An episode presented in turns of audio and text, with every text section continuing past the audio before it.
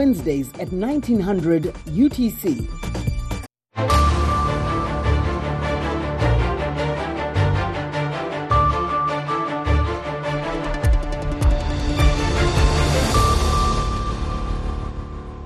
halkani waa washington. Laanta af soomaaliga idaacadda v o a oo si toosa idinkaga imaaneysa magaalada washington. Idinkoo naga dhegeysanaya mawjadaha gaagaaban ee lix iyo tobanka iyo sagaal iyo tobanka mitrban iyo bogga v o a somaly com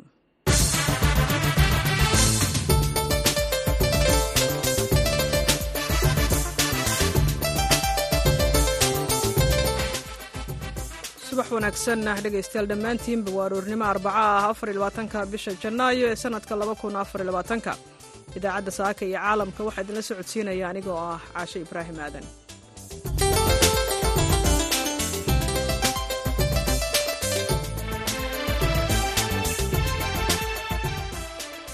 Qodobada aad ku maqli doontaan idaacadda saaka iyo caalamka. Waxaa ka mid ah sanad guuradii koob iyo soddonaad ee aasaaska ah deegaanka soomaalida etoobiya oo shalay laga xusay guud ahaan dowlad deegaanka soomaalida.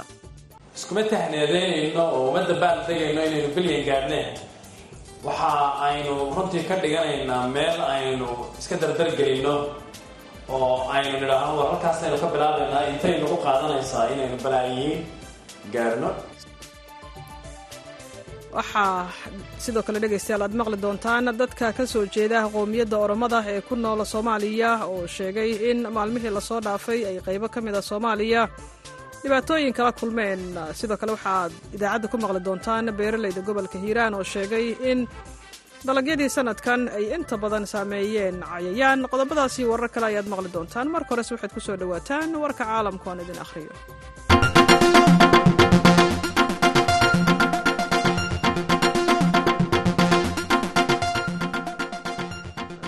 trump oo u ordaya inuu noqdo murashaxa xisbiga jamhuuriga ayaa doorasho hordhac ah oo xisbiga jamhuuriga ah.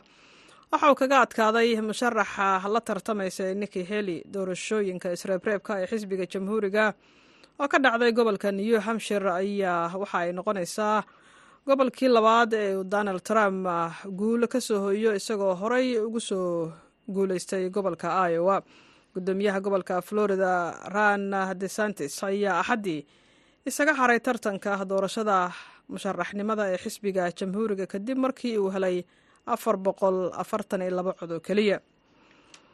Militariga kuuriyada koofureed ayaa sheegay in kuuriyada waqooyi ay dhowr gantaal oo nooca kuruuska ah ku riday badda galbeed xilli ay weli socoto tijaabada hubka ee sii xumaanaysa ee xiisadda nukliyeerka ah ee kala dhexaysa maraykanka kuuriyada koofureed iyo jabaan taliyaha guud ee ciidamada kuuriyada koofureed ayaa arbacadii waxa uu sheegay in militariga maraykanka iyo kuuriyada koofureed ay falanqeynayaan gantaaladan. Tallaabadan ayaa daba socotay tijaabadii bishan janaayo afar iyo tobankeedii ee gantaalkii balistiga ee ridada dhexe ee ugu horreeyey kaas oo ka tarjumayay dadaalkeeda ku aadan horumarinta hubka nukliyeerka ee lagu beegsanayo saldhigyada ciidamada maraykanka ee jabaan iyo guam.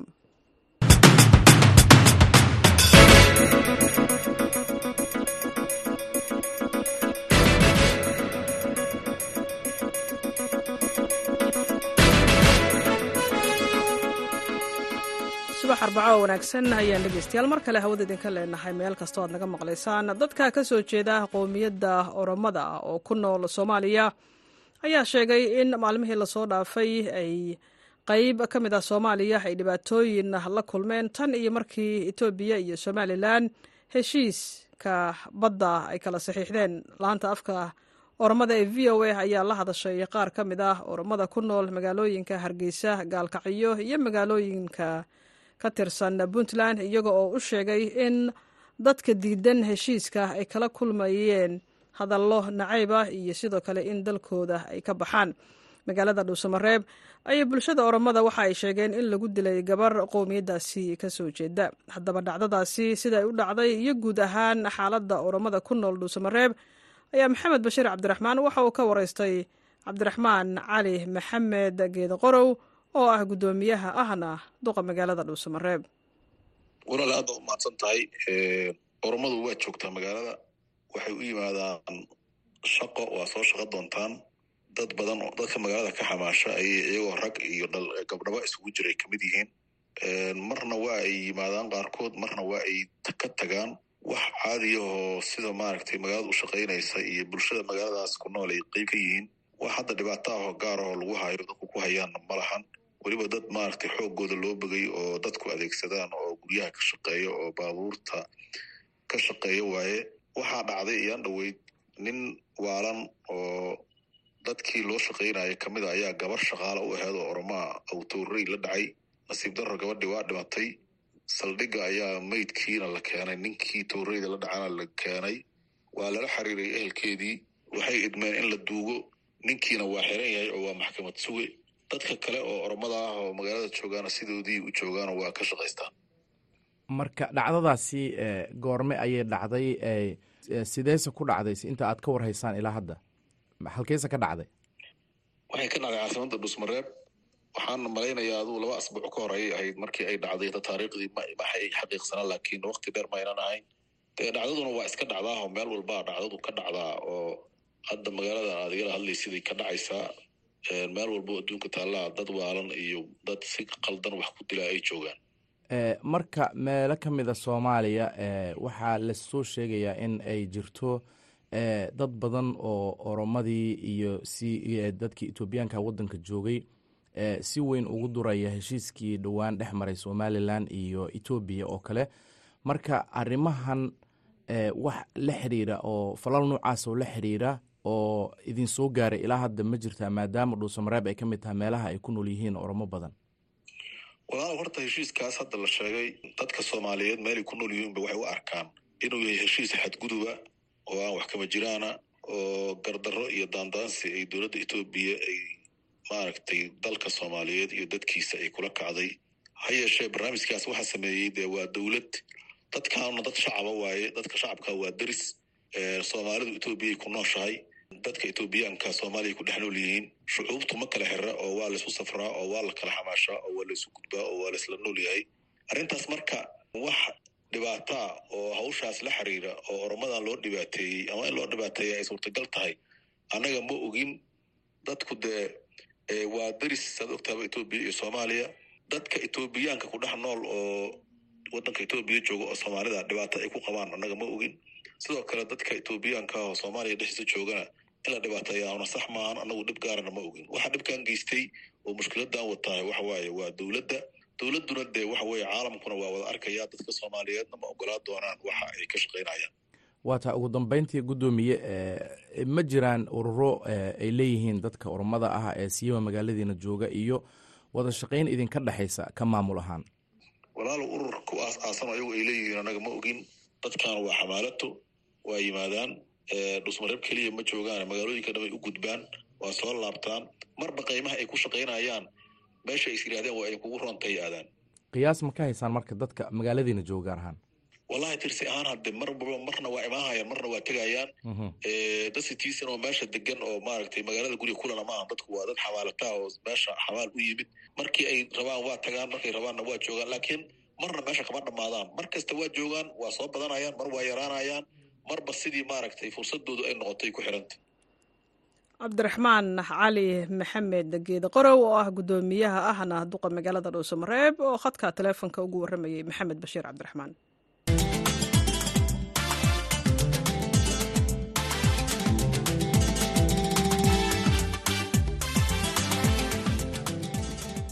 Xuska koowaad ee sanad guuradii koob iyo soddonaad ee aasaaska deegaanka soomaalida ayaa laga xusay guud ahaan dowlad degaanka iyada oo xuskan siyaabo kala duwan loo xusi doono muddada uu socdana.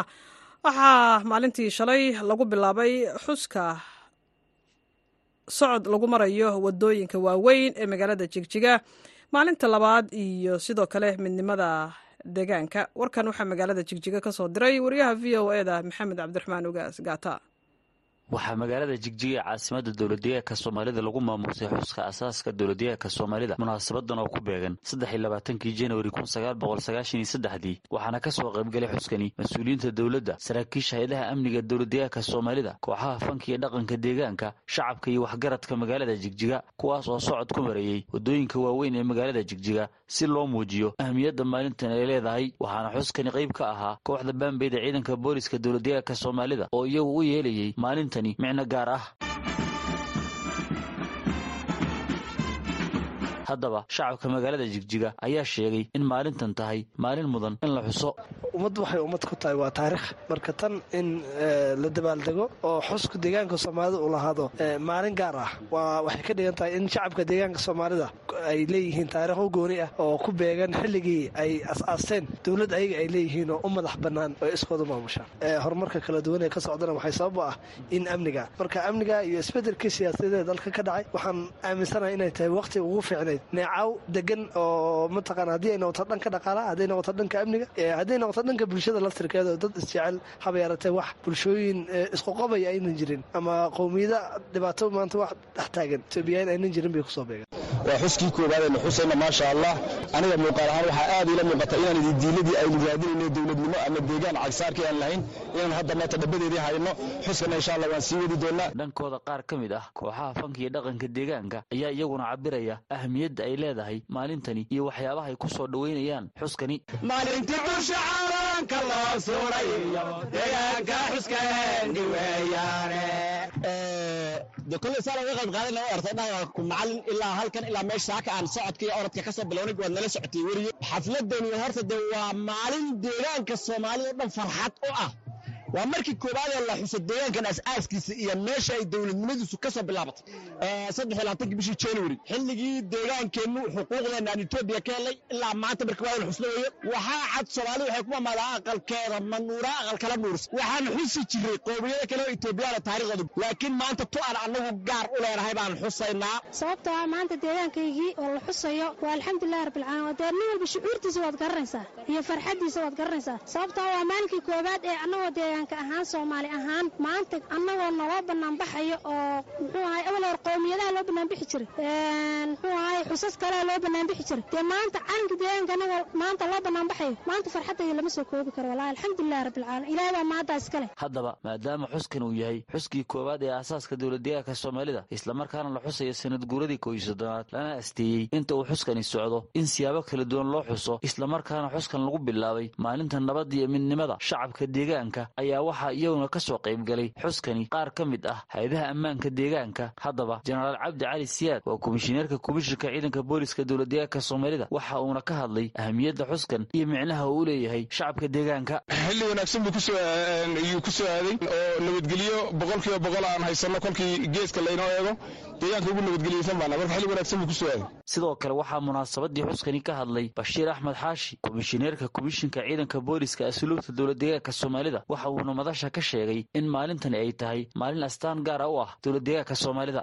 Maalintan saad u ogtihiinba waa maalintii aas-aaska deegaankeenna uu leeyahay wey waa maalin qaas annagaan u leenahay wey waxaa laga yaabaa inaad arki jirteen deegaanada kale ama soomaalida kale ama wadamadaba deegaankasta maalintii la asaasay baa la xusaa. Soo maa innaga laakiin hadda ka hor lahayn. Laakiin maanta waxaan ku guulaysanay inaan maanta yeelanno maalin astaan noo ah oo lagu xuso maalintii la asaasay deegaankii cagaha loo dhigay ee dowladda deegaanka soomaalida. Isku soo wada duubo. Xuskani koowaad ee aasaaska maalinta deegaanka ayaa waxaa xuskani uu ka socdaa guud ahaan deegaanka waxaana jiri doona inta uu xuskani socdo in lagu soo bandhigi doono dood cilmiyaadyo kala duwan oo lagaga hadli doono sooyaalkii taariikheed uu soo maray deegaanka soomaalida iyo waxa u qabsoomay dowladdeegaanka soomaalida muddadaas uu jiray ee haatan markii koowaad la xusayo sanad guuradii kooiy soddonaad oo ku beegan saddex iyo labaatankii januari sannadkii kun sagaal boqol sagaashan iyo saddexdii oo ah markii dhidibada loo aasay dowlad deegaan gaar u ah qowmiyadda soomaalida maxamed cabdiraxmaan gaata v o a magaalada jigjiga.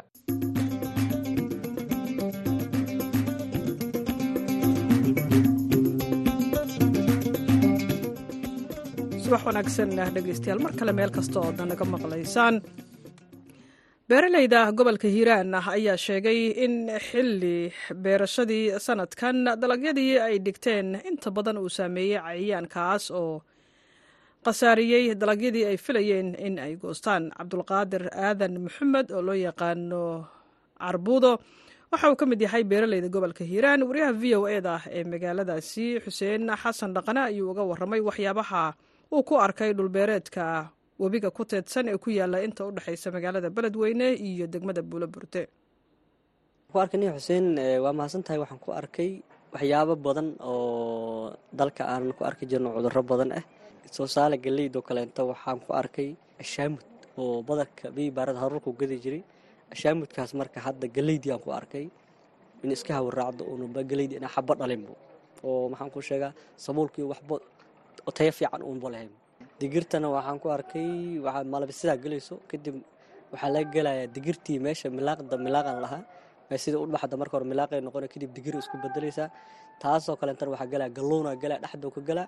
Kadibna iyada dhamma bololayba noqonaysaa masigada waxaa gala iyadana hoobada baa la yidhaha galay oo iyada dhexda ka galay oo iyada dhamma waa kala daadaadatay galeydi masigadi markaa kor ka fiirisid sabuulkii waa taagan yahay. Saan markaa isku riixdana wuxuu noqonaa barnaamij. Waaba siga dhamaa isku dhex hoobada baa la galay shaamud waa geliyey.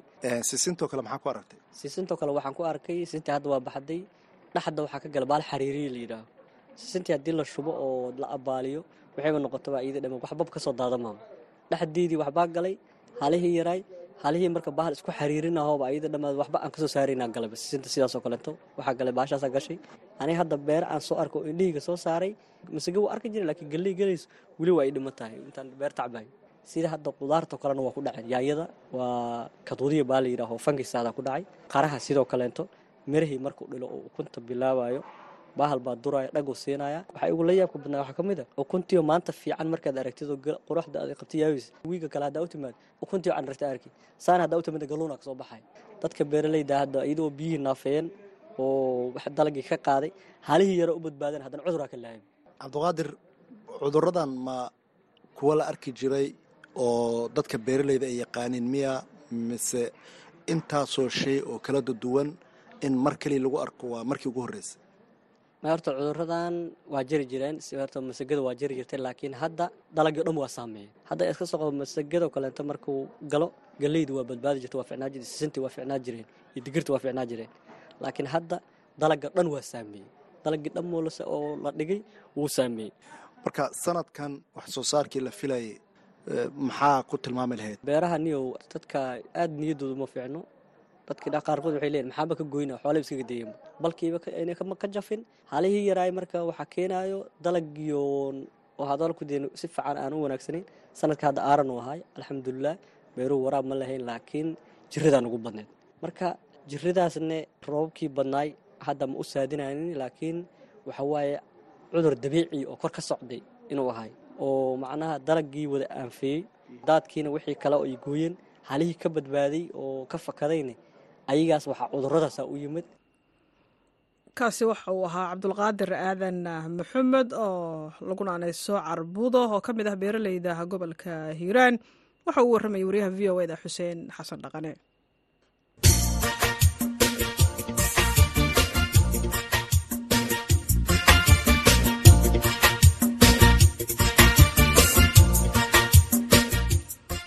cilmi baaris ku saabsan qurbajoogta iyo kaalinta ay ku leeyihiin gurmadka dadka soomaalida ah ee ku sugan gudaha dalka. Marka ay dhibaatooyin dabiici ahi dhacaan ayaa shalay lagu qabtay magaalada nairobi ee dalka kenya. Yaasiin ciise wardheere wariyaha v o eda ayaa warbixintan soo diray. Maxamed aadan meru xogayaha guud ee jaaliyadda soomaalida ee isli business community oo ka qayb galay seminaarkaasi ayaa waxa weydiiyey. Bal waxyaabaha halkaa laga soo jeediyey iyo saamaynta dhinaca ay ku leedahay gargaarka ay qurbajoogtu u fidiyaan dadka soomaalida. Mararka ay dhacaan maaragtay roobka badan asdhaca mararka maaragtay dagaalaha ay siyaadaan mararka maaragtay jirooyinka ay bataan. Intaasba maaragtay caawimaad zaa'id ah oo ka baxsan tii qaaska u ahayd ayay aad iyo aad u gudbiyaan marka arrimahaasa la isku soo qaaday oo researchkaasna ma dhammaanin weli waa la sii daba socdaa si ay maaragtay wax faadumo daahir maxamed waxa ay ka mid tahay saddexda cilmi baarista halkan ku soo bandhigaya oo b h d ga ay diyaarisay. Muddadii ay waday intii cilmi baaristani ay socotay iyo waxyaabaha ay diiradda saaraysay ayay v o eda uga waran mashruuc guud oo ka dhexeeyo hay'ado kala duwan ama jaamacado kala duwan waaye. Waxaa ka mid ah jaamacadda university of nairobi institute of development studies uh, raco research oo based in hargeysa rift valley uh, institute iyo jaamacadda denmark uh, copenhagen university iyo institutionka loo yaqaano danish institute for international studies. Marka waxaan fiirinaynaa qorbajoog kala duwan.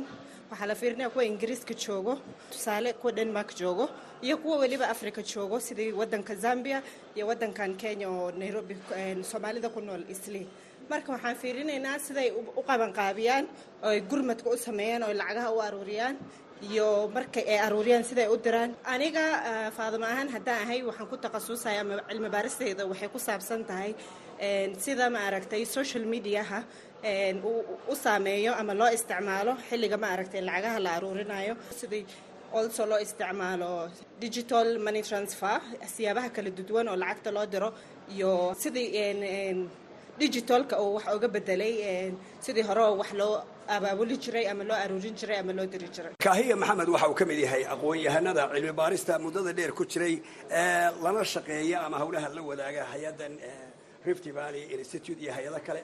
Waxaanu isaguna ka qayb galay kulankaasi waxaana uu v o eda uga warramay bal lacagahan qurbaha laga soo diro ee ay jaaliyadaha dibaduhu ay bixiyaan ee loo sheego inay yihiin kuwa dhinaca biniaadanimada qaabilsan kuwana gargaar yihiin qaarna leeyihiin maya siyaasad baa ka dambaysa. Sugnaantooda inay yihiin kuwa meelo khaldan lagu diro iyo inay yihiin kuwa dadka loogu gargaarayo. Marka u horreysa lacagaha dibadaha laga soo diro hadday ahaato yurub america canada lacagaha iyada dadka aad bay maaragtay u caawiyeen. Shakhsiyaad baahan oo maaragtay qoysaskii bay galayeen household level. Lacagtaa marka waa mid loogu talagalay dadka masaakiinta. Aan awoodin noloshii inay wax ka tarta wayna maaragtay way anfacday waana lacag loo baahan yahay. Runtii saamaynteedana aad baa loo dareemaya haddii oo maaragtay la joojiyo dad badan oo aan dab shidanaynin baa jira. Marka haddii la siyaaseeyo waxaa dhihi jiray ma fiicno. Way dhici kartaa in la yidhaahdo lacagtaa dad qaldan bay gacanta u gashay. Marka dadkii lacagta diray oo masaakiinta ugu talagalay waxay rabeen inay maaragtay lacagtaa lagu noolaado. Marka hadday jirta gaab yar ama dad kaloo ku soo dhex dhuuntay dowladda meeshaa joogtaa la rabaa inay kala saarta dadka qaldan ee lacag si xun u adeegsanaya iyo dadka masaakiinta u adeegsanaya. Waa la kala saari karaa. Dadka aqoon-yahanka ee halkaasi ka qayb galay ayaa waxa ay aad hoosta uga xariiqayaan inay jiraan qaar ka mida siyaasiyiin doonaya in ay dhinaca bini'aadanimada ku gargaaraan dadka si ay kuraas ku helaan taasi oo mararka qaarkood ay dhici karto qofkii lacagta ku soo galay baarlamaan ama madaxtinimada soomaaliya in aanu dib ugu soo noqon dadkiisa. Balse sida aqoon-yahanadu ay tilmaamayaan ay tahay howl u badan dhinaca bini'aadanimada oo soddonkii sane la soo dhaafay balaayiin doolar ay sanad walba dirayaan taasi oo ka mid ah howlihii ay qaban lahaayeen dowladaha oo ay jaaliyaduhu qabtaan. Ciise wardheere v o a nairobi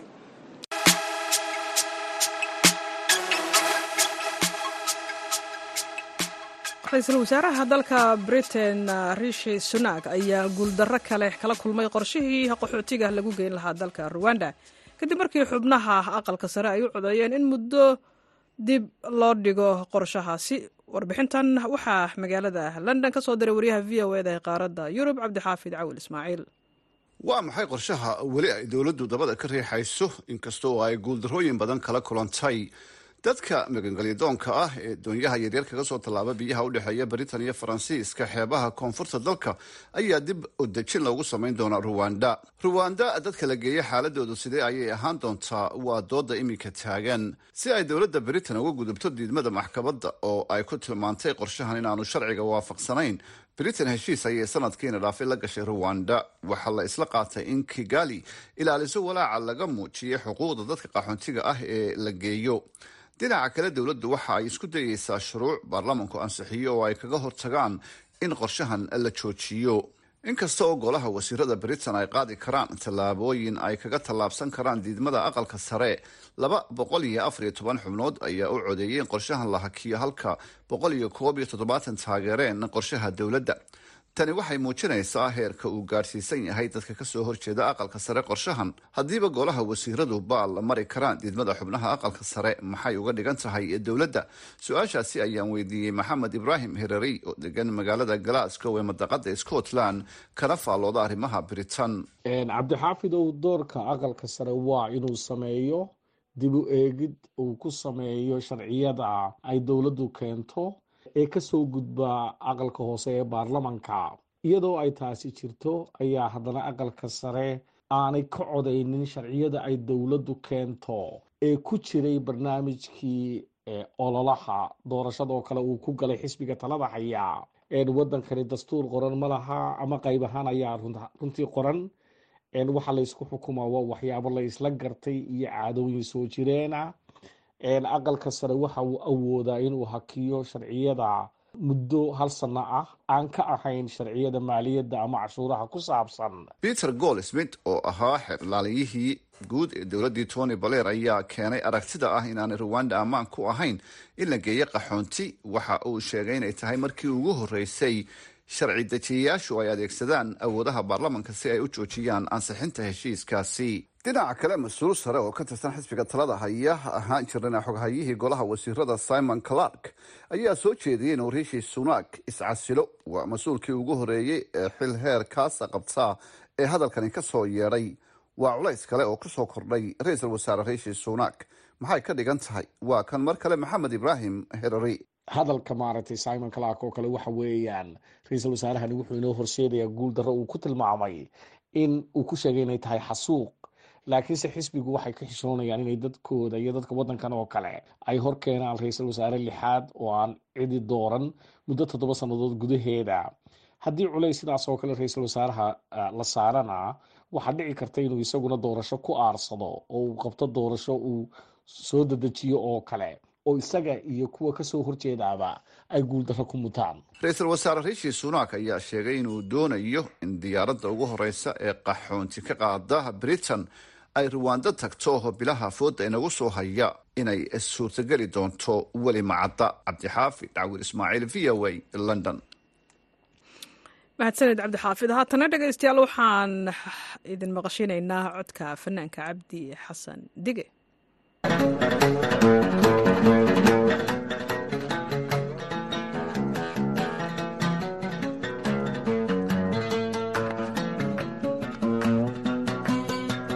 codkaasi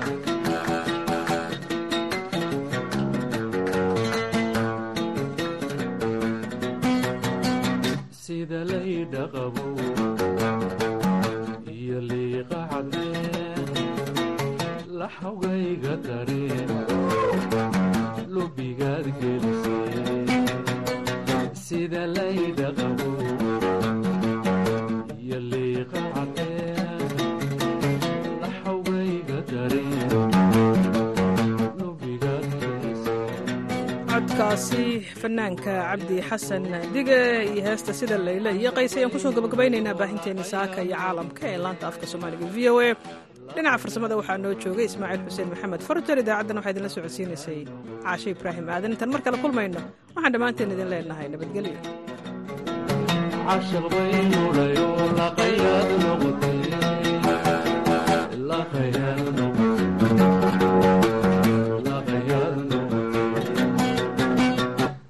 Tadiyallah